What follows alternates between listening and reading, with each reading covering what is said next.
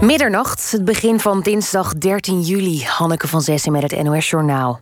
Het aantal coronapatiënten in de ziekenhuizen gaat vanaf deze week weer stijgen, verwacht het Landelijk Coördinatiecentrum Patiëntenspreiding. Ook gisteren was er al een kleine stijging te zien. Er liggen nu 213 mensen met corona in het ziekenhuis, zeven meer dan zondag. Het aantal nieuwe besmettingen is hard aan het stijgen. De afgelopen week werden er dagelijks gemiddeld ruim 6600 positieve tests geregistreerd. Zes keer zoveel als in de week daarvoor. In een ziekenhuis in het zuiden van Irak zijn tientallen doden gevallen bij een brand. Die brak uit in een ziekenhuis voor coronapatiënten. Persbureau Reuters zegt dat het aantal doden waarschijnlijk nog wel verder zal oplopen. Veel patiënten worden nog vermist. Het vuur zou wel onder controle zijn. In het ziekenhuis wordt gezocht naar overlevenden. In de strijd tegen de oprukkende Delta-variant heeft de Franse president Macron nieuwe coronamaatregelen aangekondigd. Met ingang van augustus moeten mensen die naar een restaurant willen of de trein willen nemen een gezondheidspas hebben. Daarmee moeten ze aantonen dat ze gevaccineerd zijn of negatief zijn getest of dat ze corona hebben gehad. Mensen die in de zorg werken moeten zich verplicht laten vaccineren. Bij groot drugsonderzoek heeft de politie vier mensen opgepakt. Ze komen uit Den Haag, Mexico, Colombia en Ecuador. Bij huiszoekingen in heel het land nam de politie onder meer auto's en tienduizenden euro's in beslag. De verdachten zouden betrokken zijn bij de productie van crystal meth. Zo zou er een verband zijn met een groot laboratorium in Moerdijk dat aan boord zat van een binnenvaartschip. Het weer vannacht wordt het niet kouder dan 17 graden. Dan in de ochtend vooral in het zuiden en oosten van het land geregeld regen. Elders ook kans op zon. Het wordt tussen de 20 en 23 graden. Dit was het NOS Journaal. NPO Radio 1. VPRO. Nooit meer slapen.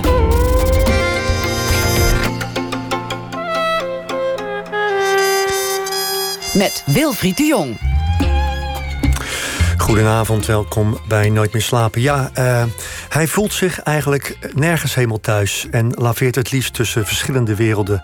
Dat is wellicht de reden dat zijn werk zo uiteenlopend is. Hij is schrijver, filosoof, politicoloog, fanatiek sportvechter, medium, soms zelfs een orakel, zeggen mensen, strateeg, multidisciplinair onderzoeker, docent, columnist. Ja, dan ben je eigenlijk niet meer te vangen. Hè? En daar lijkt hij goed bij te gedijen. Ik heb het over Haroun Sheikh, nu 40 jaar oud. Hij is het kind van een Surinaamse moeder en een Pakistaanse vader. Geboren in Nederland, in Voorburg.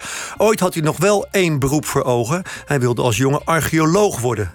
Spitten, zoeken, afstoffen. Maar het is anders gelopen. In Leiden en Oxford stuurde hij filosofie, politicologie en bestuurskunde.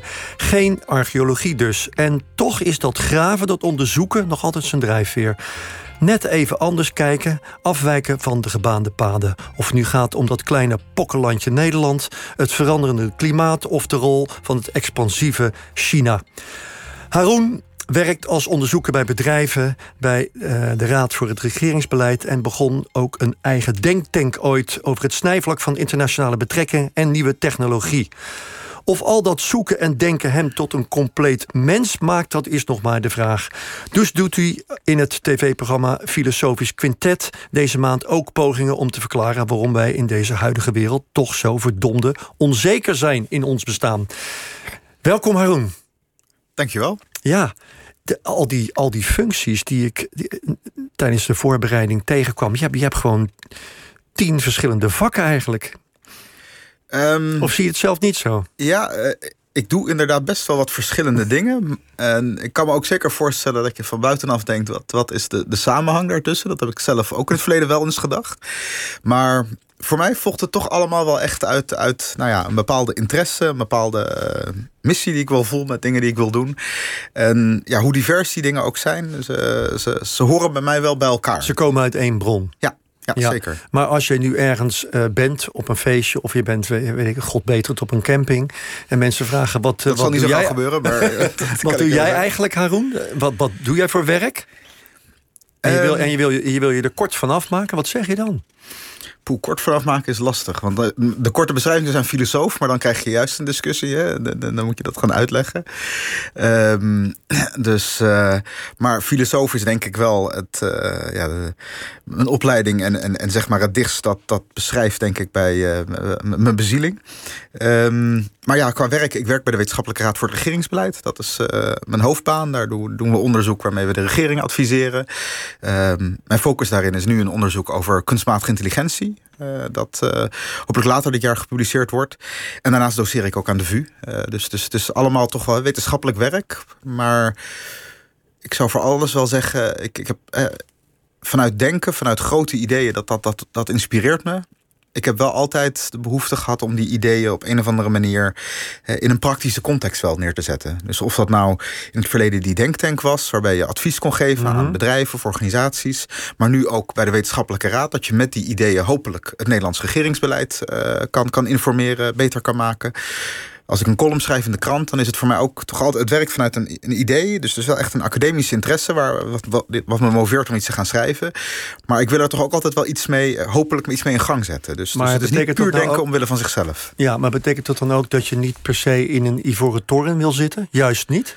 Nee, nee inderdaad niet. Dat, ja, ik, ik vind het dus fantastisch om onderzoek te doen. En, eh, eh, eh, en heb dus nou ja, ook echt een- een- veel verschillende dingen op de universiteit gedaan. En nog steeds, ik geef met heel veel plezier les. Maar ik zou er bijvoorbeeld niet de hele dag... Het zou niet mijn fulltime baan moeten zijn. Nee, Haroon, je, je kwam net aan hier in, in ja, vrij hippe kledij, als ik mag zeggen. Oh, zo? sportieve kledij. En ze zei, ja, ik kom, kom net uit de sportschool. Ik heb gesport. Ja, want ik, ik, ik, ik, ik typeerde je net ook als, als, als fanatiek vechtsporter. Dat is voor jou van groot belang. Ja, wat, wat, ja. wat, wat doe je?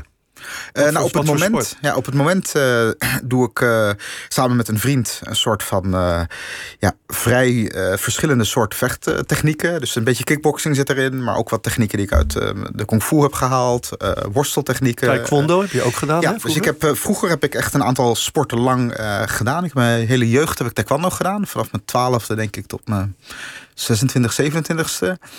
En toen, een aantal jaar later, ben ik aan kung fu begonnen. Dat heb ik denk ik ook een kleine tien jaar gedaan. Nou, en nu de laatste paar jaar meer een beetje wat kickboxing en wat andere dingen. En dat eh, doe ik nu sportend, omdat je in die coronatijd... die ga, ga niet naar een sportschool, dus eh, eh, doe dat regelmatig in de avonduren zo met z'n tweeën. Maar ehm, vechtsport heb ik wel echt mijn hele jeugd gedaan. Het is voor mij de, de sport waar ik me echt... ja, ik kan me gewoon weinig voorstellen dat andere sporten hetzelfde kunnen geven. En dus zowel qua sport vind ik het heel leuk, maar het is ook iets dat me toch echt ook wel aan, aan het denken zet. En wat me ook inspireert, de vechtsport. Ja, nou, dan- dan als je het woord denken gebruikt in combinatie met sport, word ik nieuwsgierig. Want wat is dan de filosofische component van, eh, van, van het sporten voor jou? Ja, ja, de, ik denk de vechtsport, en de Aziatische vechtsport, is natuurlijk, het is, het, is, het is veel meer dan alleen maar sporten of alleen maar iets om gewoon hè, te willen bewegen. Het, vertrekt ook vaak vanuit een, een wereldbeeld, een, een, een, een ideaal, een idee van het goede leven. Ehm, ja, en bij die vechtsporten, dat, dat uitzicht denk ik ook. En daarom, daarom is het voor mij ook zo'n zo'n genot om het te doen. Het is meer dan alleen maar bewegen. Het is ook ehm, ten eerste je, je lichaam eigenlijk zo te vormen dat het iets, eh, dat het eh, mooie vormen kan maken. Zeg maar. dat, is, dat, is, dat is in de vechtsport altijd hè, de vormoefeningen. Of het nou kata's zijn of poemsees.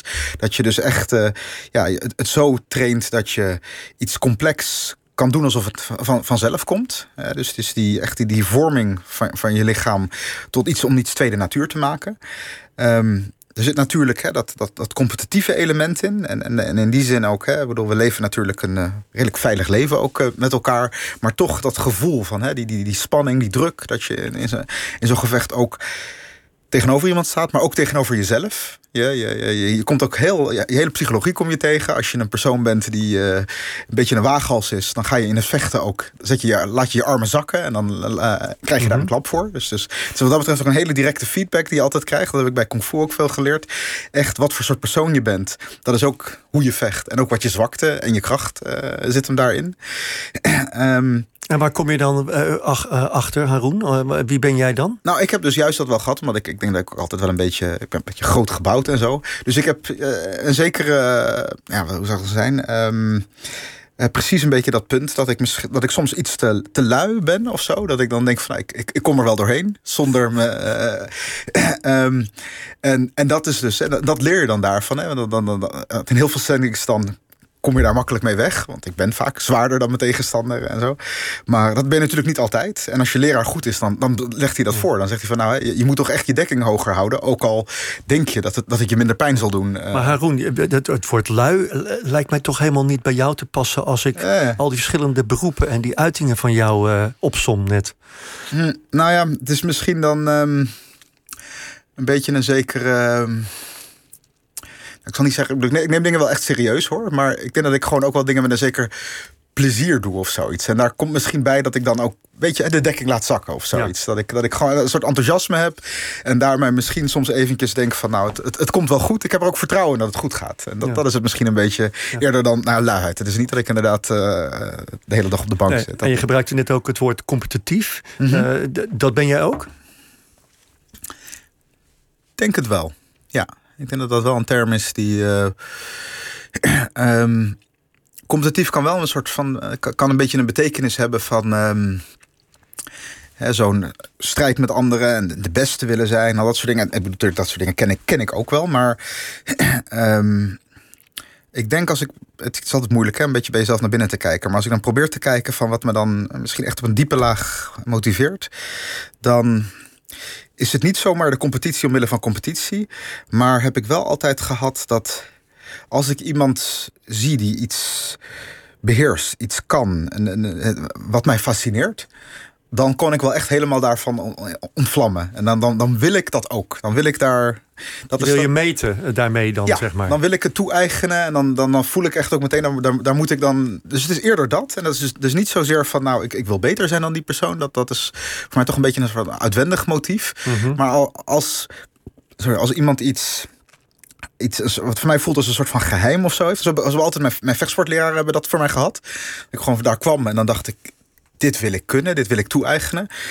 Maar dit is ook eh, in- de filosofie, de, met mijn eerste colleges filosofie, dat ik ook dacht van dit is, dit is eigenlijk het. Dit is wie ik ben en dit, dit wil ik nu meteen. Dus ik, ik, eh, en, dan, dan wordt dus bij mij meteen een enorme ambitie komt dan, komt dan los. Ja. Hoe, hoe, eh, kijk, ik kan me voorstellen dat, dat die vechtsport eh, dat die een soort zekerheid geeft. Of, of een soort, in ieder geval een soort reflectie. En wat je een soort zekerheid geeft over hoe je in het leven staat. Hè. Je kijkt als het ware in de spiegel en je leert jezelf beter kennen. Maar ik, ik, ik begon net over het feit dat jij bij het Filosofisch Quintet, hè, een televisieuitzending hier op zondagen nu, waar jij aan meewerkt, dat het thema daarvan nu is eh, onzekerheid. En dat je daar je bijdrage aan leverde. Eh, vanuit de kickboxer gezien of de, de, de vechtsporter gezien. De- in, in welke tijd leven wij dan? Want, dan? want als het nu echt over onzekerheid moet gaan op televisieuitzendingen... dan zitten vier, vijf mensen aan tafel die daarover spreken. Waar zijn we in aanbeland? Ehm, Als, als land, als, als de Ja. wereld? Ja, ik denk dus dat we in een best een onzekere tijd leven. En dat, eh, nou, voor de mensen die het programma gaan kijken, zullen zien dat, dat, dat, dat anderen daar misschien anders over denken. Maar ik vind dat, eh, dat we te weinig erkennen hoe onzeker het leven voor heel veel mensen is. Zeker ook, ook in Nederland. Ehm, en, en waar hangt dat mee samen? In het programma ging het ook vooral over de relatie burger-overheid. Nou, ik denk dat er, een, eh, dat er ook ja, in hoge mate ook wat mis is in die relatie. Dat de overheid, ehm, zeker de afgelopen decennia, zich op heel veel gebieden heeft teruggetrokken. Ehm, de burger ook heel kwantitatief is gaan benaderen, als een cijfer. Eh, heel erg bezig is geweest met optimaliseren van allerlei processen. En weinig met de achterliggende vraag: waarom doen we dit nou eigenlijk? Waarom? Waar draait het nou eigenlijk om? In de zorg, in het onderwijs, bij de politie. Eh, en, en toch heel erg vanuit een soort van zeker efficiëntie denken. Dat is een economische manier van eh, naar de wereld kijken die heel gangbaar is geworden. Ik denk ook dat we de laatste jaren, de laatste paar decennia, heel erg veel. eh, Dat de overheid ook heel veel technologie heeft gebruikt om de burger te gaan controleren, te surveilleren. Ehm, een uitkomst van dit soort bewegingen is bijvoorbeeld iets wat we nu natuurlijk een heel groot vraagstuk is: de, toeslagenaffaire. Nou, dat is wat mij betreft wel echt een uitwas.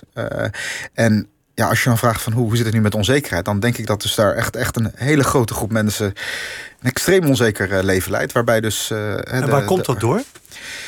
eh, nou, in dit geval dus denk ik dat, dat de overheid ze op een bepaalde manier heeft behandeld. Ehm, en daarbij ook te weinig te weinig tegenspraak in de overheid is geweest. Te weinig ook het heel erg, nou goed, het is, het lastig. Ik, bedoel, ik, heb het rapport gelezen bijvoorbeeld van hè, die, die, parlementaire commissie van Dam. Die heeft proberen te onderzoeken waar die toeslagenaffaire nou door kwam. En dan zie je eigenlijk iedereen heeft meegedaan. Dus het is niet, is niet simpel iemand aan te wijzen. Het, het zijn de, de mensen bij de Belastingdienst zelf aan de vloer geweest. Die hebben iets gedaan, maar die hebben een opdracht gekregen. Het is aan de top van de organisatie geweest. Het is ook uh, de politieke aansturing geweest. De minister hebben, hebben een rol gehad mhm. hierin. Het parlement heeft er een rol in gehad. Uh, de media heeft er een rol in gehad. Um, dus het is niet, wat dat betreft, en dat, dat is wat mij betreft wat het ook zo fascinerend of belangrijk maakt. Um, dit is dus niet zomaar een incident van ergens dat iets mis is gegaan. Blijkbaar hebben we ook een systeem dat dit soort uitkomsten kan creëren. Um, ik vrees dat we dat veel te maken met, met de verhouding uh, mens en overheid. Ja, ik denk dat burger en overheid. Ja, en ik denk dat daar veel, eh, wat ik even die lijnen waar ik het net over had, hè, dat, eh, dat heel erg economische denken, dus, dus uh, optimaliseren. Uh, dus dat is, het, dat is het hier ook veel geweest. Hè. De burger echt een beetje als cijfer. En uh, daarbij weinig ruimte hebben ook voor, nou, wat je ook in veel van die gevallen ziet, weinig ruimte voor menselijkheid. Hè. Mensen die, die bellen daar, vragen hoe zit het ermee. Expliciet krijgen de mensen aan de telefoon de opdracht, geef ze niet te veel informatie. Het zijn potentiële fraudeurs. Mm -hmm. dus een, een, verhouding waar weinig menselijkheid in zit. Uh, maar dus ook heel erg wantrouwend. Hè? Dus, dus wat je ook uit dat rapport ziet. Um, grote, veel mensen werden dus als potentiële fraudeurs aangewezen. Maar als je dus dat die situatie gaat onderzoeken, het geldt dus voor bijna niemand daarin. Ik geloof meer dan 90 procent, daar, daar is geen goede grond voor. En als je dan toch eigenlijk ervan uitgaat dat iemand een fraudeur is... Dat, dan is er denk ik dus wel iets mis in Maar dat vraagt om een omkering kennelijk in, in hoe je met elkaar omgaat. Hoe zie je dat dan voor je? Ja, ik denk dat we. Kijk, dat is denk ik een groot vraagstuk. Juist omdat ik, hè, wat ik net zeg, ik denk dat het, eh, het, probleem is, het is dus structureel. Van allerlei partijen dragen eraan bij. Dus er is geen, helaas niet een soort van simpele oplossing voor. Maar ik denk dat het vraagt dus wel, denk ik, gewoon nadenken over ten eerste de principes waar, waarmee we vanuit de overheid en burger, maar ook misschien ook onze hele samenleving inrichten. Dat betreft, dus wat mij betreft, even het, het, het, proberen voorbij te komen. Dat heel erg kwantitatieve, rationele denken. Dat denken dat eigenlijk uh, de wereld het liefst zoveel mogelijk gewoon wil organiseren. Ten faveur van toch een houding waarbij we wat meer ook echt eh, waardediscussies hebben. Waar, waar, waar draait het nou eigenlijk om? Hè? Wat, en waar draait het dan eigenlijk om? Nou ja, eh, dat betekent dus bijvoorbeeld, als je dan naar een andere velden toe zit. Ik, ik had het net over die, die houding die nu heel erg gaat over rationaliteit en, en controleren en, en, en surveilleren. Nou, het is natuurlijk bekend in heel veel vakgebieden hebben mensen eigenlijk heel, krijgen heel weinig vertrouwen om hun werk te doen. En moeten ontzettend veel worden gecontroleerd. Of dat nou de minutenregistratie is in de uh, thuiszorg.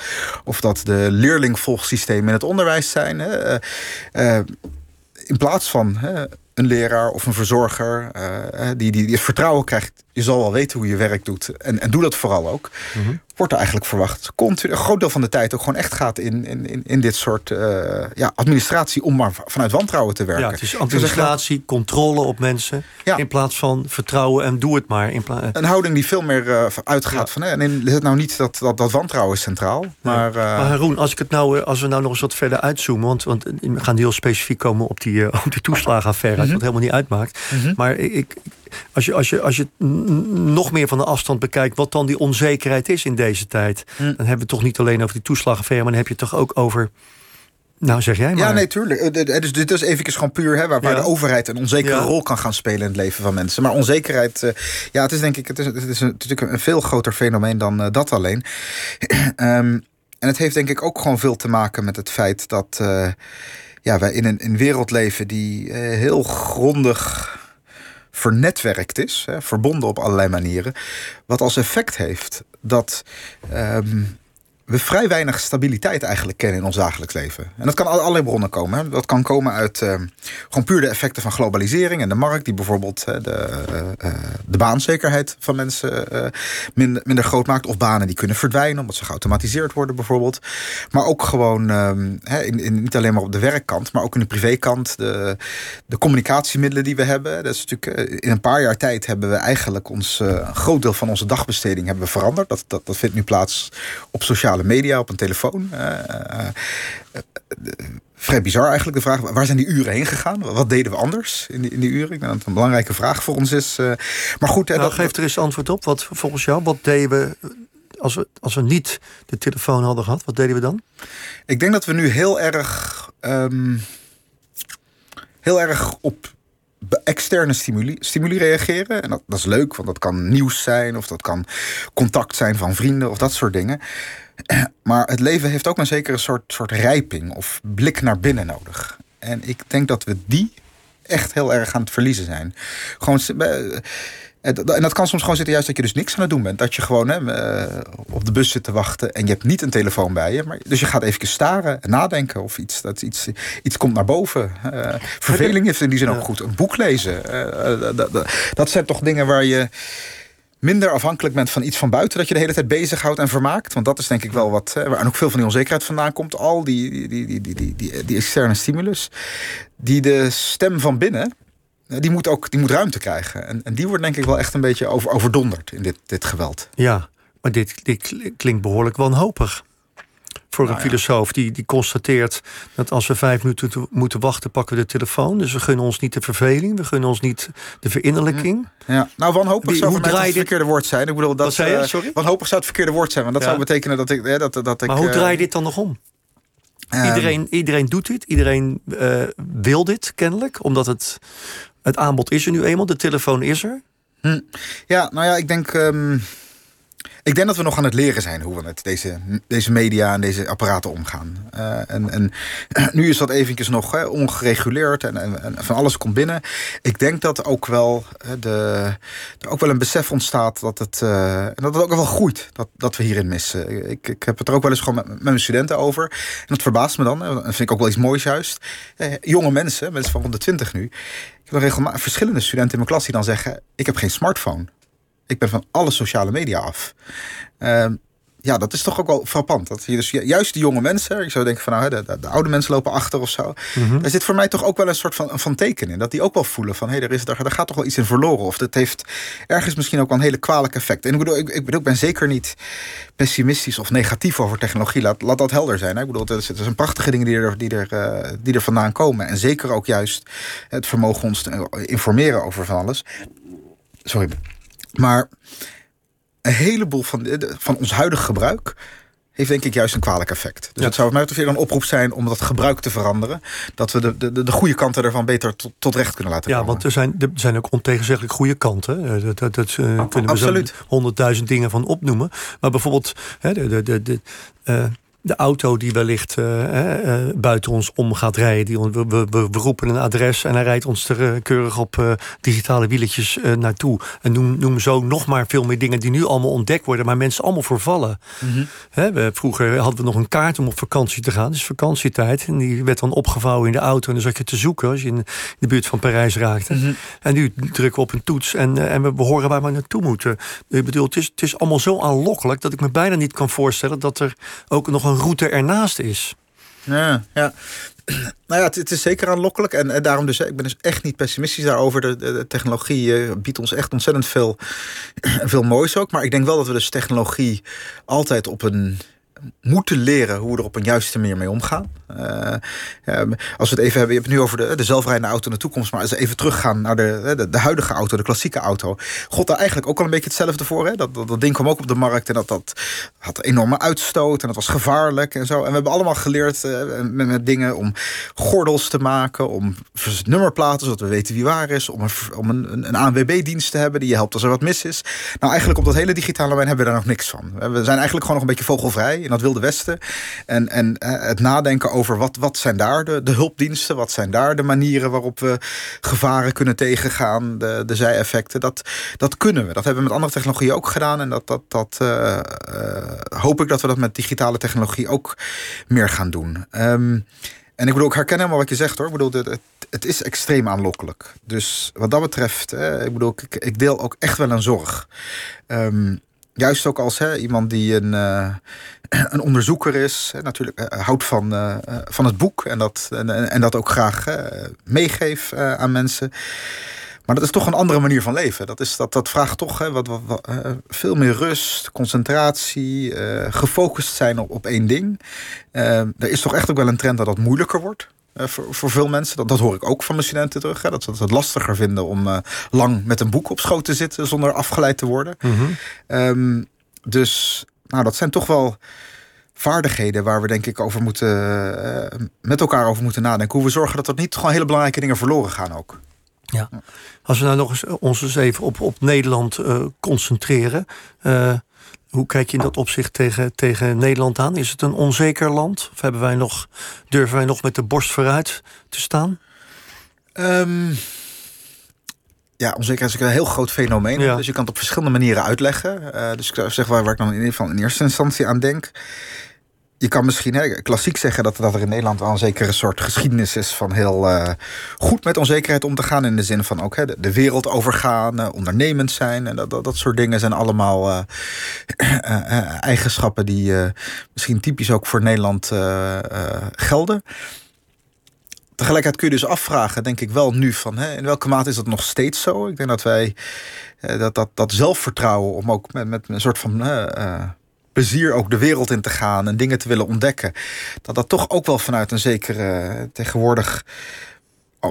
Ik wou bijna zeggen de VOC-mentaliteit. ja, nou ja, dat, dat, dat heeft ook een hele, hele, hele kwalijke kanten. Ehm, maar ehm, laten we zeggen, ik bedoel meer gewoon hè, een soort van zelfverzekerde manier de wereld overgaan. En dat kan zijn hè, in, in, in eh, de wereld willen onderzoeken. eh, dat kan zijn, eh, maar ook hè, allerlei Nederlandse ondernemers die de wereld overgaan. Hè. Dat, dat, dat, die kant is natuurlijk altijd wel geweest. Maar ook hè, de, de, de, de- openheid naar anderen toe is ook altijd een beetje ook iets van trots van Nederland geweest. Van, hè, wij leren onze talen en hè, wij, wij- wij zijn niet zoals die Fransen of Duitsers die naar binnen kijken. Maar als ik eerlijk gezegd de laatste tijd eh, gewoon toch wat reflecteer, dan vraag ik me af of dat allemaal nog steeds zo is. Of wij niet toch echt ook best wel angstig naar de buitenwereld zijn geworden. En, en ook gewoon heel weinig interesse hebben in de rest van de wereld. Ehm, En waaruit leid je dat af? nou ja, ehm, ik, ik, toevallig laatst, en ik, ik, ik, zal er binnenkort voor NRC ook een, een, een column over schrijven. Ehm, een beetje zitten nadenken van nou, hoe, op welke manier gaan we nou eigenlijk om met het buitenland, in, vooral ook in onze media. Dus ik heb een beetje wat zitten nadenken ook over wat, wat zie ik nou op onze praatprogramma's. Hoe gaan we nou met het buitenland om? En dan valt me op dat daar gewoon toch echt wel een hele diepe desinteresse en sterker nog zelfs van arrogantie van uitgaat. En, en dat kun je op allerlei gebieden zien. Hè. Neem nou bijvoorbeeld gewoon hè, ons, eh, ons meest nabije eh, buitenland, België. Hoeveel zijn wij nou eigenlijk bezig of geïnteresseerd in wat er in België gebeurt? Ehm, eh, eh, wat voor soort berichtgeving hebben we er überhaupt over? Ehm, eh, zouden, hoeveel, alleen dan zou je bijvoorbeeld kunnen vragen van... hè, hoeveel mensen zouden bijvoorbeeld gewoon weten hoe de, premier van België heet? Dat, dat is al een teken van... Is, is niet raar dat dat niet een, een, iets is waar we toch met elkaar ook gesprekken over hebben... interesse voor hebben. En de meeste berichtgeving die dan toch over België zie... dat, is, dat, dat valt toch allemaal een beetje in de categorie van de Belgemop. Hè? Als er wat is, dan is er weer iets mis in België. Zie je wel wat een puinhoop ze daar, eh, daar hebben. Eh, Duitsland, ons andere grote buurland... ehm, gaat over een paar maanden verkiezingen in. Dat is ongelooflijk belangrijk. Hè, De, de, de toekomst van de EU, hè, het belangrijkste land in Europa. Het Merkel-tijdperk komt ten einde. Hoeveel serieuze aandacht geven we met elkaar aan wat daar gebeurt? Ja, maar dat is de constatering. Maar waar komt dit dan vandaan, ons gedrag?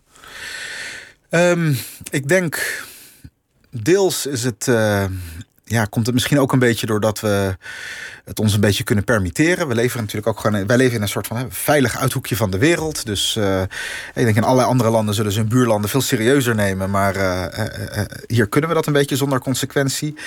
Ehm, het hangt denk ik, en dat, dat heeft denk ik misschien hebben veel landen hoor, zal, het overal een beetje een soort van trend zijn. Het hangt denk ik ook samen met allerlei dat dingen zoals die korte aandachtspannen waar we het net over hadden, die, die social media cultuur, die buitenland, nou gewoon heel snel eventjes afreageren. Dit is er mis in dat land, dit is mis in dat land. En voor de rest, dat is het dan zo'n beetje. Weinig tijd voor ook een beetje eh, serieus gesprek of eh, echt informatie eh, over andere landen toe-eigenen. Ja, en toch ook wel een beetje arrogantie, denk ik hoor. En dat, dat is misschien toch ook wel iets wat, dat, dat Nederland makkelijk afgaat. Hè? Dat, dat, dat opgeheven vingertje van eh, heel makkelijk, we weten het wel beter dan de rest. Maar Eh, zoals je het nu schetst, is, dat, eh, is die arrogantie eh, misplaatst. eh, op veel gebieden de- denk ik wel, ja.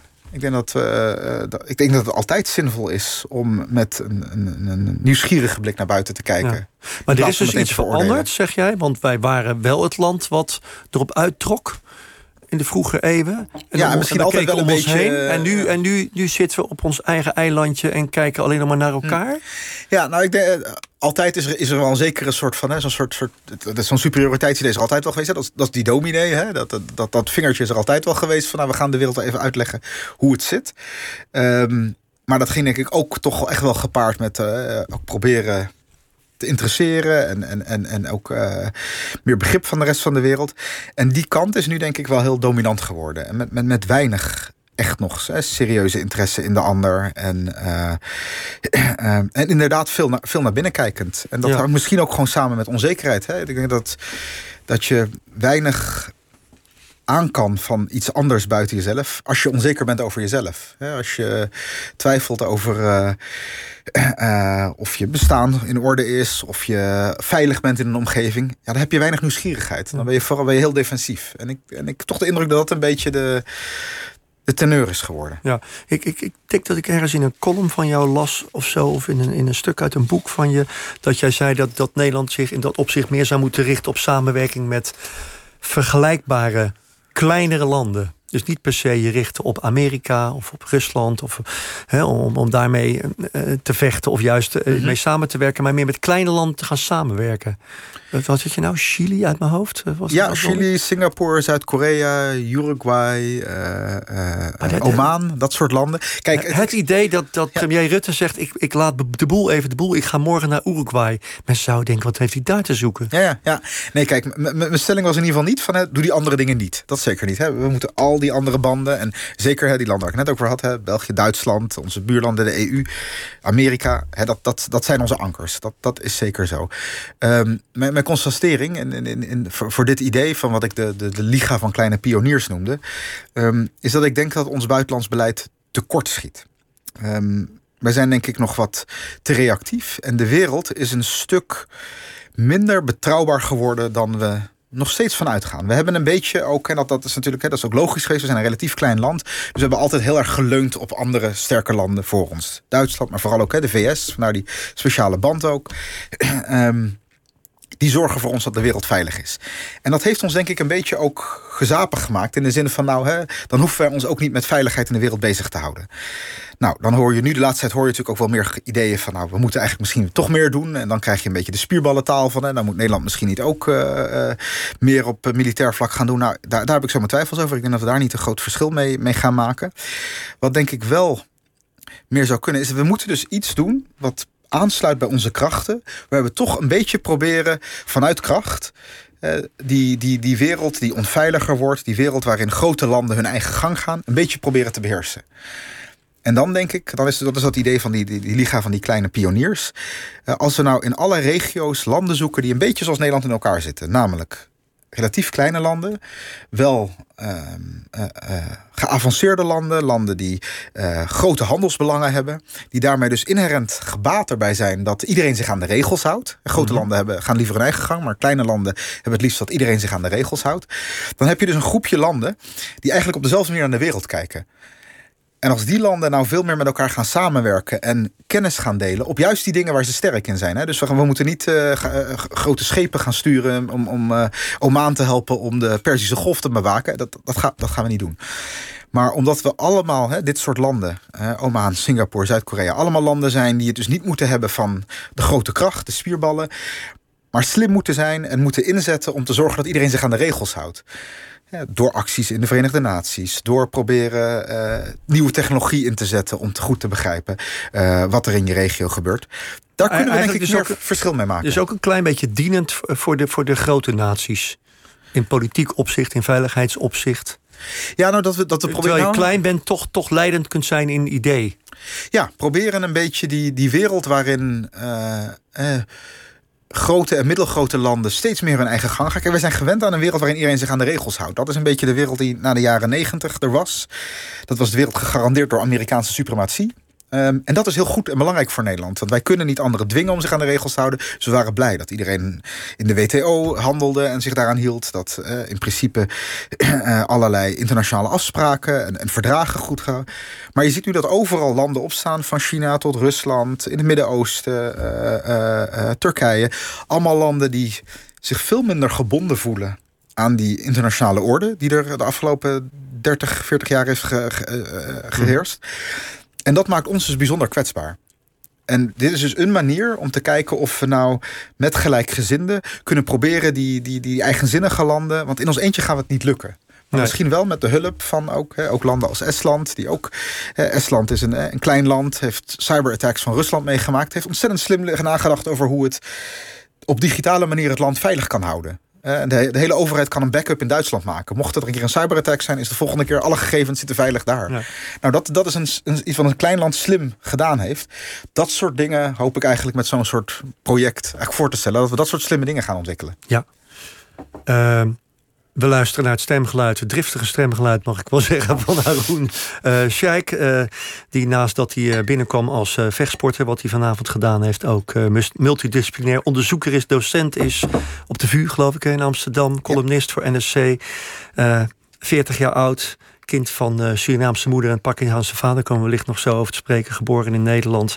En uh, vooral toch ook een filosofische uh, inslag heeft als hij de, de wereld of kleiner Nederland beschouwt. Wat, wat, mij, wat mij ook trof is dat jij een boek hebt geschreven over hydropolitiek. En dat jij zegt van ja, we kijken naar de wereld eh, snel naar, van, naar het land uh, wat daarop te vinden is. Maar dat is slechts een derde. Twee derde is water. Hm. Zoek de kracht in het water. En dat geldt ook voor Nederland. Wat Nederland ja. natuurlijk van oudsher gedaan heeft. Hè? Hoe, leg, dat, leg dat eens uit. Ja, ja ik denk we hebben natuurlijk een, een bekende discipline. Die heet geopolitiek. En letterlijk daarin het woord geo slaat natuurlijk op de aarde.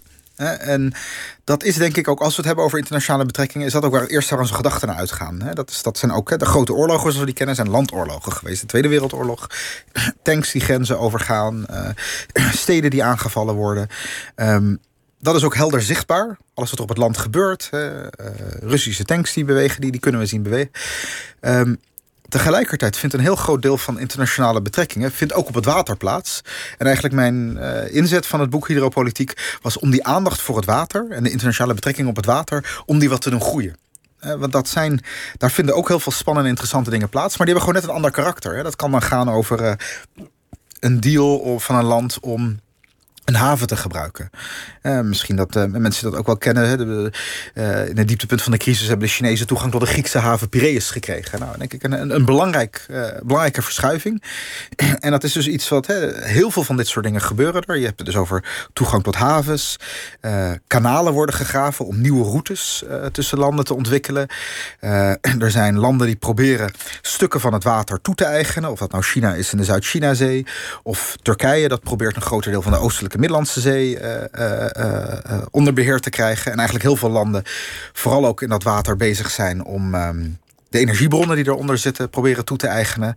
Het feit dat door klimaatverandering de Noordpool aan het smelten is. En er opeens een, een, water, een zeeroute aan het ontstaan is. Vroeger was dat ijs. Uh, Rusland heeft een, een, ambitie om daar eigenlijk ook gewoon stap voor stap een keertje een, zeemacht van te worden. Het ontwikkelt niet voor niets ook havens in het uh, noordelijk gebied. Maar dus ook hele andere routes die er mogelijk worden. Een schip kan dan van Shanghai naar Rotterdam via die noordelijke route. En dat zou 4000 kilometer korter zijn dan nu via het Suezkanaal. Um, dus eigenlijk op het water gebeuren ontzettend veel uh, verschuivingen. Uh, maar, maar het accent ligt altijd maar, als het om politiek gaat, bijvoorbeeld altijd maar op het land. Lijkt het, zo lijkt het althans. Tegenwoordig. Ja. Uh, ja, ja, ik denk dat we daar, daar dus de focus heel erg sterk op zit. Um, en ja, ik, ik hoop dus eigenlijk juist ook veel meer. Dus het, mijn boek is wat dat betreft ook ingedeeld in, in zeeën. Dus ik heb niet. Uh, ik heb eerder een boek over landmacht geschreven. En dat ging over landen. Dus gaan we nu hebben over Rusland. En nu over China. En nu over Iran en Turkije. En dit boek is geordend dus naar zeeën. Dus de Middellandse Zee. Wie is daar wat aan het doen? Uh, de, de, Arabische Zee, wat gebeurt daar? De Zuid-China-zee. En interessante gedachte dat hoofdsteden misschien wel minder belangrijk gaan worden dan havensteden, zei je. Ja, ja ik denk dat dat is een. Uh, dat is sowieso, denk ik, een, een, een vind ik uh, interessante dynamiek die, die ik in mijn onderzoeksregels tegen ben gekomen. de zee is niet alleen maar een andere plek, maar de zee lijkt ook een ander soort mentaliteit met zich mee te brengen. Um, je zou kunnen zeggen, het, het, pure land, of de mensen die in het binnenland zitten, daar zit toch vaak een soort van scheiding bij van de mensen die meer aan de kust wonen. En dan zou je kunnen zeggen, het land is veel meer gericht op, um, op um, het is, gaat wat meer over, over eenheid, centralisatie. Uh, het is ook wat politieker. Uh, de, het binnenland heeft ook, ook vaak net iets meer militaristische achtergrond. Ik zal zo wat, wat voorbeelden geven. Mm -hmm. Terwijl de zee veel meer staat voor vrijheid, uh, ondernemerschap, meer commercieel. Um, en dat heeft ook te maken met, hè, dat, dat is wat het water mogelijk maakt. Hè, al die vrije betrekkingen, de handel, het contact is, gaat vanzelf. Hè. Je gaat het water op en het water brengt je zelf ergens heen. Terwijl aan land moet je elke stap zelf zetten of een voertuig daarvoor hebben. En het land ook is waar we elkaar makkelijker bedreigd hebben. Dus uh, niet voor niets, die hoofdsteden zitten in het binnenland.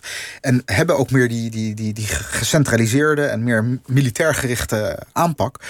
Omdat ze oorlog hebben gevochten. Hm. Terwijl het water vaak beschermd heeft. Niet voor niets dat een land als Engeland heel weinig gecentraliseerd is. En heel erg juist die, die zeegeest heeft, uh, veel vrijer. Terwijl uh, meer gecentraliseerde regimes in Rusland, in China, uh, ook in Duitsland. Um, juist heel erg op het land gericht zijn. En nou, wat, wat ik even de spannende dingen vind, is dat je dus in heel veel plekken ziet dat je daarmee ook op heel veel gebieden deze, deze, dit onderscheid binnen een land ziet tussen een, een zeestad en een hoofdstad. Um, denk aan bijvoorbeeld het verschil tussen Madrid en Barcelona. Ook de competitie die ertussen speelt. Madrid, de voorname hoofdstad in het binnenland. Dat is waar de politiek bedreven werd. Uh, Barcelona, de, de vrije commerciële stad aan de kust. Mensen in Madrid vinden Barcelona een beetje... Ze hebben geen moraal daar. En ze, dus alles is vrij en alles is te koop. En in Barcelona kijken ze terug naar Madrid en zeggen ze... ja, dat is, dat is conservatief. Kijk naar het verleden. Gaat niet vooruit. Washington, New York. Washington, New York is zo'n verschil. Het voorname Washington, het commerciële New York. Um, het is uh, het onderscheid tussen uh, uh, Istanbul en Ankara in Turkije. Het is het onderscheid tussen Sint-Petersburg en Moskou. Tussen Beijing en Shanghai. Mumbai en Delhi. Ja. In Nederland ligt het een beetje complexer. Dat vind ik altijd, altijd wat lastiger. ook, we zitten natuurlijk allemaal relatief dicht bij het water. Dus je hebt niet heel erg die, die, die, nee. die focus. Maar we hebben ook natuurlijk een onderscheid tussen, tussen, tussen Den Haag en Amsterdam, dat een beetje deze vorm heeft. Hè? De hoofdstad uh, uh, versus de commerciële belangen van de, de, de, de, Amsterdamse stad. Maar ook Rotterdam heeft ook een beetje die, dat idee natuurlijk van dit is de, de commerciële vrije stad van aanpakken. En, ja. en, en, en, en, Amsterdam en Den Haag zijn praten en, en, en, en, weinig doen. Dus in Nederland ligt het een beetje wat complexer. Maar deze dynamiek zie je wel overal. Dus ook over, op heel veel plekken is het dus ook zo'n soort eeuwige rivaliteit tussen, tussen de twee soorten steden. Wat ik zo inter interessant vind, Haroon, ik, ik, ik ontmoet je voor het eerst. Ik wist ook niet hoe goed jij kon praten. Je een spraakwaterval op dit moment, wat helemaal niet erg is. Uh, maar uh, um, ja, ja, jij bent in Voorburg, ben, je, ben jij opgegroeid? Uh, ben je altijd zo geweest? Of heb jij ook een periode gehad, spuber of nog jonger, dat je, dat je echt heel erg zoekend was. En, want je, je klinkt nu heel erg mondiaal. Je, je, schiet van de ene kant van de wereld naar de andere kant. Maar je, je, hebt toch ook in een hele kleine omweld wellicht gezeten? Of zorgde de, het feit dat, dat je vader uit Pakistan kwam... oorspronkelijk en je moeder uit Suriname geloof ik, wel hebben, dat dat al ervoor zorgde dat jij die... Nou ja, het heeft me zeker op. Die zekerheid had om heen en weer over de wereld te springen. In je hoofd nou, althans. Nee, niet zekerheid. Nee, nee. Kijk, het heeft me wel denk ik op weg geholpen. Maar wat je net zegt, ik bedoel, ik, uh, ik zou trouwens nog steeds niet zeggen dat ik nu. Uh, uh, nog steeds wel heel zoekende. Dat, dat, gaat, dat, gaat, dat gaat denk ik. Daar ben je zo voor. Hè? Ja, uh, maar ik heb dat zeker veel meer gehad in het verleden ook. Uh, als, ik, als ik denk een beetje terugkijk, ik denk echt als, als kind ben ik denk ik wel vrij uh, nieuwsgierig, open, vrolijk ook geweest. En, en, wel goed op mijn plek. Ik was ook altijd heel geïnteresseerd, zeker op mijn basisschoolperiode. Maar de puberteit heeft er wel goed in gehakt. En uh, daar ben ik wel echt ook... Um, ja, ik, ik zal niet zeggen de, de weg kwijt, want het hoort er allemaal bij en het is ook allemaal belangrijk geweest. Um, maar want wel heel erg zoeken. Ik denk dat ik echt een, een, een, een, een een moeilijk joch was daar. Gewoon, gewoon echt gewoon niet, eh, ongemakkelijk, niet, niet meer weg wist. Uh, en dat waarin uitte zich dat? Nou, onder andere ook in dus de vraag van... Uh, natuurlijk zoals iedereen bezig is met de vraag van wie ik ben... dat had voor mij dus ook te maken met mijn afkomst. Welk deel van me is nou Pakistaans, Surinaams, Nederlands? Hoe verhouden die zich tot elkaar? Ik heb ook echt perioden gehad waarin ik... Um, meer naar de ene kant dan naar de andere kant neigde. Dat was echt gewoon een zoeken van mijn identiteit. Want welk stukje daarvan zit hierin? Uh, mijn interesse in school verdween volledig. Uh, ik, had, was ook echt gewoon, ja, zo'n zo vervelende puber die alleen maar moeilijk deed op school. Ik hield wel mijn cijfers altijd net voldoende om over te kunnen gaan. Maar ik, ik was echt de interesse die ik als kind had, ik helemaal kwijtgeraakt. Ik was bezig met muziek en natuurlijk. Hè, er ook veel, veel jonge mensen. En, uh, en liefde en dat soort dingen. Maar de, de wereld echt buiten me nou, daar, daar was ik, uh, had ik echt wel een gespannen en moeilijke verhouding toe. Ja, ja dus je was, was redelijk. Uh, met, je moest met jezelf in de weer zijn, omdat, je, omdat, omdat het niet liep. Ja, nee, zeker. Het was, ja, het was echt. Hoe kwam je daaruit? Ja, voor zover je uit dat soort dingen komt, nogmaals. Uh, ik wil daar wel bescheiden in zijn. Um, maar um, kijk, ik denk. Hè, dus dat, dat, dat, dat filosoof zijn en dat nadenken, dat is voor mij uh, uh, wel echt. Dat, dat is weer die richting die ik vond, die ik terugvond. Um, en dat had ik al, denk ik, in de loop studie van, bedoel je? Ja, in de loop van mijn puberteit begon dat. dat ik, ik had in ieder geval op school vond ik niks interessant meer. Dus, dus daar deed ik ook helemaal niet mee. Maar um, ik had toen wel al een beetje een soort van fascinatie. Dat ik begon een paar wat ik noem, grote boeken of zo te lezen. Dat ik gewoon wilde weten wat, wat zit daar nou een beetje in. Dat had deels ook met religie te maken. Had ook weer vanuit mijn afkomst. Hè. Dus ik ben heilige boeken van de islam, van het hindoeïsme, van het christendom gaan lezen. Ook, ook vanuit dat, van, hè, waar, waar, waar ben ik nou thuis? Of wat, wat spreekt me nou aan? En van daaruit ben ik gaandeweg een beetje wat, wat filosoof op het spoor gekomen. Uh, Nietzsche heeft me toen ook echt enorm gegrepen op een bepaald moment. Um, en dat, daar begon toen wel weer een beetje een soort van interesse. Maar dat leven was het een beetje parallel aan mijn, aan mijn, aan mijn leven, zeg maar. Dit was gewoon wat ik thuis op mijn kamer uh, een beetje deed. Um, en hoe waren je ouders eigenlijk dan met jou? Lieten die jou maar een beetje gaan als uh, onaangepaste puber? Ja, ik bedoel, ik, ik, ik, was, ik was niet, ik was niet uh, ik, ik, was gewoon mijn weg kwijt, maar ik was niet, denk ik, heel vervelend of zo. Of, of, uh, dus uh, ze, ze, zullen niet zoveel last van me gehad hebben, laat ik het zo zeggen. um, en um, dus nee, dat is, dat is altijd thuis ook gewoon echt een heel warm en, en, en, en, en lievevolle omgeving geweest. Ik denk wel dat ik. Uh, mijn ouders hebben wel altijd iets gehad van... Je moet, je moet toch echt wel wat van je leven maken. Je moet ook gewoon goed, goed werken, goed je best doen. Ik heb mijn ouders ook altijd zien werken mijn hele jeugd. En uh, uh, dat is toch ook wel een soort van inspiratie Wat deed jouw vader ook alweer? Dat mooie beroep had hij. Um, ja, hij heeft heel verschillende dingen gedaan. Uh, uiteindelijk heeft hij vooral zijn leven... een, is hij tapijtenverkoper dat, dat. en ja, precies. tolk. Ja, Prachtig. En je moeder? mijn moeder heeft in de verpleging gewerkt. Ja. En, um... Maar ze vonden dus dat je moest werken. En dan zeg jij, ik ga filosofie studeren.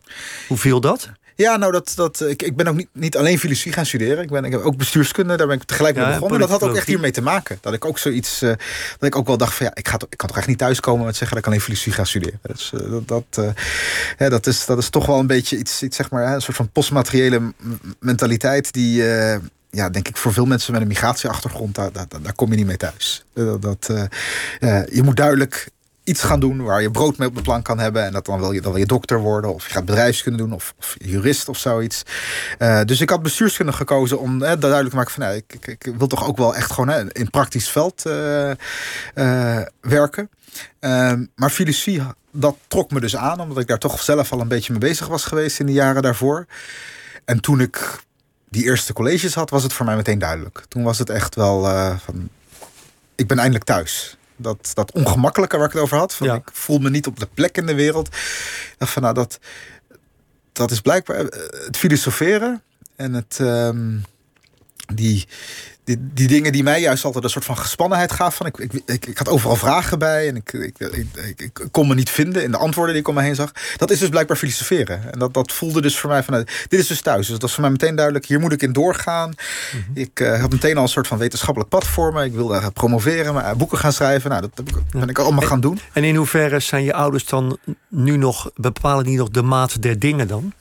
Zie je ze nog veel? Bepalen ik zie ze heel veel. Maar... Bepalen ze nog wie je bent en wat je doet, vind je? Nou ik denk dat ze nooit echt be bepaald hebben hoor. Wat dat betreft, mijn ouders uh, zijn. Uh, hebben ons heel erg vrijgelaten. Kijk, ze hebben ons altijd gewoon wat dingen meegegeven. Om hè, dus inderdaad hard te werken. Om. Um, uh, ook uh, respectvol te zijn naar de omgeving. Uh, uh, ook wel ambitieus te zijn. En nou goed, allerlei waarden hebben ze wel meegegeven.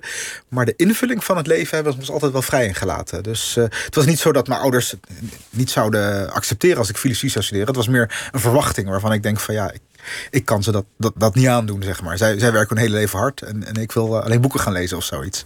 Dat, en, maar waarschijnlijk had ze het niet eens erg gevonden als ik, het, als ik er toch mee was gekomen. Um, het is, voor mij heeft het altijd meer, mijn ouders meer en, en wat mijn ouders hebben meegegeven, altijd meer gevoeld als een, als een opgave dan als een verplichting. weet niet of dat, dat, Ja. dat helder is. Maar dus eerder een taak die je krijgt. Dan dat ze nou zeggen, je moet dit doen. En eh, dat ik twijfels had of dat ik iets anders zou willen. Dat is ook dat En heeft, is het, eh, werkt het nou zo dat als je ouders uit, uit Pakistan komen en Suriname en daar toch dingen over vertellen, neem ik aan als kind, Mm. dat het ook eh, voor jou heeft geholpen om in ieder geval in je hoofd en soms ook letterlijk die wereld over te willen reizen? Ja, ja, ja zeker. Ja, ja. Dat, ehm, ik heb dat ook eh, in mijn jeugd heel veel in, in, beide landen ook geweest. En dat, dat beschouw ik echt als een, voorrecht. Ja, niet alleen omdat ik een familie en zo heb en, en dat soort eh, dingen, maar ook, ja, het, het is toch wel, je, je raakt er toch aan gewend om tussen werelden te leven. ehm, te kunnen vertalen ertussen. En ook een soort van fascinatie te krijgen voor, voor mensen die op een of andere manier dichtbij je staan, maar toch heel anders zijn. En daar zelf ook goed mee om te kunnen gaan. Dus we- concreet, je, je groeit misschien normaal gesproken, stel dat je nou niet al die verschillende invloeden hebt, heb je misschien een soort sterker idee dat hoe je opgegroeid bent, dat dat is hoe de wereld is. En ik heb toch al heel vroeg gewoon geleerd, ook gewoon simpelweg dat er dan familieleden kwamen. En, en zoals dat bij ons dan gaat, en dat zal bij veel mensen zo gaan, kom je familie gewoon zes weken bij je logeren of zoiets in de zomer. Dat, eh, zo werkt dat dan. Dan komt een heel gezin bij bij een huis zitten. Nou, dan zie ik er toch mensen die echt in een totaal andere wereld zitten. Of dat dan gaat over religieuze overtuigingen, maar ook over normen naar elkaar toe. Wat, je, wat, wat ze van het familieleven verwachten. De beelden van het leven die er zijn. Ehm, en dan kon dat dus familie uit een ander deel van de wereld zijn. En dat, dat was dan weer heel anders. En dat heeft mij denk ik wel, ja, denk ik geleerd om met dus verschillende werelden om te gaan. Daar, daar, daar begripvol, respect ook voor te hebben. Maar ook echt dat te willen onderzoeken. Ja, maar, maar je zei volgens mij eh, drie kwartier eerder van ja, eh, eh, Nederlands, Pakistaans en Surinaam. Ik weet eigenlijk niet wat ik, wat ik ben. Hè, waar ik bij hoor. Is dat een on ontwrichtend gevoel? Of is het ook heel plezierig dat je eigenlijk een soort, in een soort niemandsland kunt leven? Hoe zie je dat? Ja, nou ik denk dus dat het ooit echt wel ontwrichtend is geweest. Dat het, eh, dat het een periode is geweest. Omdat je, je wilde ergens bij horen Ja, als, ja. als puber Zeker of als, kind. Als puber dan wil je toch een beetje, wat was met een tijd, wie ben ik nou? En ja, je voelt toch dat je een antwoord op dingen moet geven van welke mate ben je iets? Of wat, wat is ook je achtergrond? Wat, waar sta je voor? Ehm, dus het is ooit wel lastig en ontwrichtend geweest. Ehm, maar ja, dat is dat. dat Tegenwoordig beschouw ik het inderdaad vooral als een voorrecht. Ik zou, als je zegt van, nou, waar het gesprek ook mee begon, ik zou zeggen dat ik nu hè, misschien in de kern filosoof ben. Nou, dat, dat is iemand die, hè, die, die, die eh, in principe thuis is in het vragen. En niet op een bepaalde plek. Eh, En, eh, ik zag een citaat, hè, filosofie is zijn trieb überall zu Hause zu zijn. Een, een drang om overal thuis te willen zijn. Ehm, nou, dat, dat, dat, dat herken ik wel. En in die zin beschouw ik dus eigenlijk wel juist als een voorrecht. Dat ik eh, op het breukvlak van verschillende identiteiten ben opgegroeid. Ja. En, en praat je daar met je ouders ook over? Hierover? Of waar je het nu over hebt? Ja, zeker. Ja, ja. En wat Ja, pikken dat- zij daaruit op? Ehm, ja, we, hebben, we, we praten ook gewoon veel over hoe, hoe is onze jeugd geweest. En wat, eh, ik denk ook, eh, ik heb een broertje en een zusje, die doen het zelf, ehm, eh, die doen het ontzettend goed. En ook een mooi leven. Dus we, proberen, we reflecteren ook thuis wel op van, nou, wat hebben we nou precies meegekregen? En wat, hoe heeft het ons geholpen? En, eh, ehm, ja, en daar praten we denk ik wel op een mooie manier over. En dat, dan geven we dus ook gewoon wel eens terug van hè, wat, wat, wat onze beide ouders ons hebben meegegeven. Iets wat ik zelf bijvoorbeeld wel eens eh, zo voorstel, wat een soort mooie combinatie is. Mijn moeder is zelf best wel ehm, bescheiden. En heel erg eh, van aanpassen en je, gewoon je best doen en niet opvallen. Dat, dat is echt een beetje iets wat ze ook even. Ze ook al zeggen, als mensen problemen maken, draai je om, loop weg. En, en, en, en Maar ook- je best doen en niet opvallen, zei je dat nou? ja, ja, Ja. gewoon hè, werken, maar niet, niet, Ja. niet op je borst Ja, slaan. zou je zeggen dat het in jouw opzicht dan mislukt is? Want je Nou ja, valt heel erg op. Maar ik heb ook mijn vader. Ehm, en dit is dus de kant van mijn moeder. Eh, mijn vader is juist, denk ik, veel meer iemand die eh, juist heel erg die, die trots heeft. En die, die wil gehoord worden. Die wil het laten zien. En die zin hebben ze ook altijd een beetje in onze jeugd een beetje verschillende kanten op. Mijn vader heeft altijd gezegd, joh, ga doen. Als je, als je jong bent en je wil ergens gaan reizen, ga je gang, maakt mij niet uit, ik maak me niet zorgen. Mijn moeder juist heel erg bang en beschermend. Dus het was altijd een beetje een discussie daartussen. Ehm, maar ik denk dat juist die combinatie, mij en ik denk ook mijn broertje en zusje, heel mooi heeft geholpen. Ik denk alleen die kant van mijn moeder had me misschien een beetje een bangig en, en wat onzeker figuur gemaakt. Ik denk alleen die kant van mijn vader had me misschien een beetje een, eh, een eh, arrogant of eh, te snel op me trots gemaakt. Ja. En die combinatie dat je en hard werkt en je best doet, uh, ook aanpast. Maar tegelijkertijd wel ook uh, staat voor wie je bent en, daar, en, en, en, niet over je heen laat lopen. Die combinatie is, is, is, is bijvoorbeeld ja. een van de dingen waarvan ik denk van nou, dat, dat, dat, dat neem ik wel mee van ja. ze. Maar wat, wat, wat, ik, wat ik, als ik dit zo hoor, denk ik van je hebt in ieder geval van je vader wel. Uh, overgenomen of meegekregen dat je leven ook een missie moet zijn, lijkt het wel. Hm. Ik, ik heb de indruk dat jij echt missies hebt. Ja. Zit ik ver naast? Ja, ja. Het is niet dat jij denkt, nou, ik doe wat werk en ik heb wat vrije tijd en ik kom het, kom het jaar wel door. Ja, ik zal niet zeggen dat je president wil worden, maar dat scheelt niet veel. Nee, maar je, hebt, je hebt plannen en, en, niet alleen voor jezelf, maar sn- snel voor de wereld en voor een land en voor. Ja. Ja, en het is, het is niet zo dat ik kan zeggen wat dat dan is. Want het is, het is zeker niet dat het een soort van doelmatig plan is of zo. En dat, dat, zo heeft het ook nooit gevoeld. Maar ik heb wel inderdaad een, een- altijd een gevoel gehad van, van, van missie, gedrevenheid. Ook zelfs een beetje verplicht of zoiets. Alsof ik, alsof ik iets, iets te doen heb. Maar waarom de verplichting? Voor, en voor wie? Ja, voor de wereld of zoiets. Eh, dat, je, dat je iets bijdraagt. Dat is misschien ook gewoon een beetje zoiets uit de jeugd, mijn jeugd of zo. Van dat je dat gewoon ziet. Van, eh, je, je, je moet iets doen, je moet iets bijdragen. Eh, dat, dat was wel zo- zo'n les uit je jeugd. Van, zi- maak jezelf nuttig. Dat, heb ik vaak gehoord. Eh, Ja. Als je, als je zat, zat, zat te niksen thuis. En is het wat dat betreft een goede tijd? Omdat de, de wereld toch enigszins wankelt? Als het om eh, klimaat gaat, om corona, noem maar op. Is het een Goede tijd om. goede tijd om missies te hebben, zou je zeggen? Ja, ja, dat kan. Ik bedoel, ik, ik zal niet zeggen dat ik zelf nou hè, een soort van eh, eh, wereldverbeteraars eh, gevoel heb of zo. Dat ik dat, dat, dat, dat ik dat zou kunnen of zo. Maar. ehm, eh, dus, dus ja, ik vind het moeilijk te zeggen hoe dat, hoe dat eh, daartoe verhoudt. Maar ja, als je het inderdaad verkoppelt aan de tijd, dan zou ik zeggen, we hebben natuurlijk hier, misschien hiervoor een wat meer pragmatische tijd gehad. Van hè, inderdaad, hè, doe het maar voor jezelf en eh, ieder voor zich, eh, geld verdienen en zo. Ja, nou, dat, dat is niet de wereld waar ik me in thuis voel. En die, die, die wereld waarin toch, hè, nou ja, die, die grote vraagstukken belangrijker worden, dat, ja, Ja. Daar, daar voel ik me veel meer in thuis. Ja, oké, maar als ik jou hoor zeggen een paar keer in de uitzending... God, het is fijn om een boek te lezen. Eh, ik, ik, ik zit op vechtsport, want dan kan ik mezelf in de spiegel zien... en dan maak ik mijn lichaam beter en mijn geest beter. Dat is allemaal verinnerlijking eigenlijk van Ja. jezelf. Terwijl daarnaast heb je die driften van je vader... dat je zegt, de wereld in, la- laat mezelf zien. Ja. Ja. Ja. Ja, ik geloof wel die dingen ook heel goed samen. Gaat missen. Dat, Of is dat, het een eh, kwestie van nog even twintig jaar doorzetten... en dan langzaam alleen nog maar op die krakende stoel... nog boeken lezen als filosoof? Nou, nogmaals, ik weet niet waar het heen gaat zelf. Het, is, het voelt heel duidelijk elke stap die ik zet, maar ik weet alleen niet waar, wat het pad is waar, dat, waar, waar die stappen naartoe gaan. Ehm, dus eh, ik kan dat ook niet zo, zo zeggen. Ehm, maar wat mij betreft is het, eh, heb ik.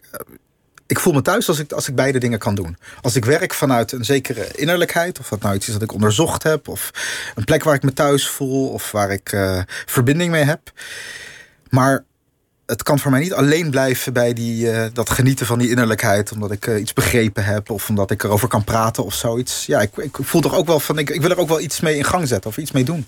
En eh, als die twee dingen samengaan, dan, dan voel ik me eigenlijk het meest op mijn plek. Ja, en is het dan zo dat ik begon de uitzending met te zeggen dat, wat heb ik het lijstje hier nog liggen ergens, hè? schrijver, filosoof, politicoloog, vechtsporter, medium, strateeg, multidisciplinair onderzoeker, docent, columnist, dat jij denkt, er komen de komende jaren nog wel twee, drie functies bij?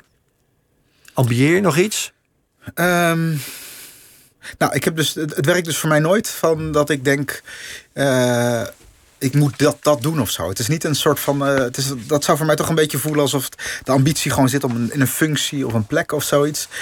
Het is, ik wil gewoon wat ik nu doe. En die, die vorm van werken, die voor mij, wat mij betreft, door al die dingen heen loopt, wil ik gewoon steeds beter en, en, en, en, en, en op, op verrijkende manieren blijven doen. Ja. Ehm, en waar weet ik niet. Ik kan alleen maar constateren dat Har- Harun Sheikh 40 jaar is en nog, nog steeds niet helemaal weet wat hij wil worden als een klein kind. Dat is eigenlijk best wel mooi. Ik eh, ik, wil je in ieder geval enorm eh, bedanken eh, voor je komst, Harun Sheikh. Dit was Nooit meer slapen. Morgen zit hier Adse de Vries, die interviewt dan Niels Roelen.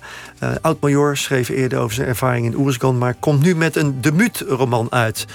Nooit meer slapen is ook terug te luisteren als podcast... via je favoriete podcastkanaal. Ik wens je nog een hele goede nacht.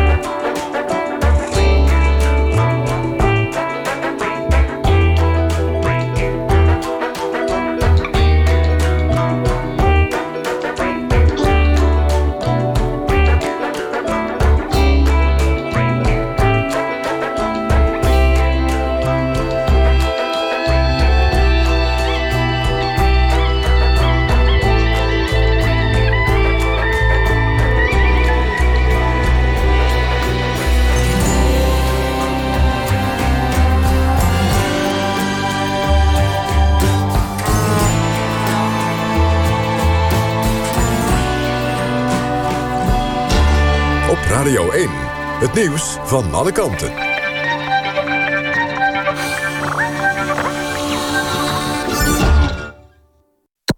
NPO Radio 1.